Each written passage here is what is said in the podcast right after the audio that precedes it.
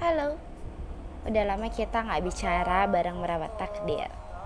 Merawat takdir itu kayak Amor Fatih, jatuh cinta dengan takdir.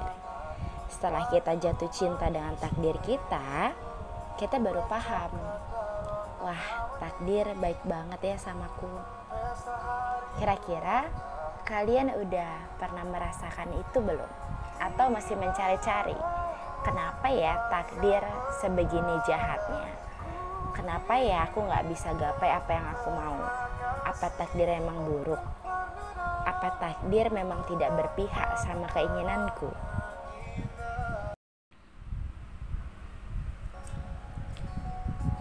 Untuk kita yang masih meragukan banyak takdir, aku punya sepenggal bait untuk kita resapi bersama. Ini dari merawat takdir. Merawat takdir. Kita pontang-panting membesarkannya. Berharap ia akan tumbuh menjadi baik hati dan tahu diri. Atas nama takdir. Meski amin tak mengiyakan doa-doa, Allah selalu baik dalam menuntun.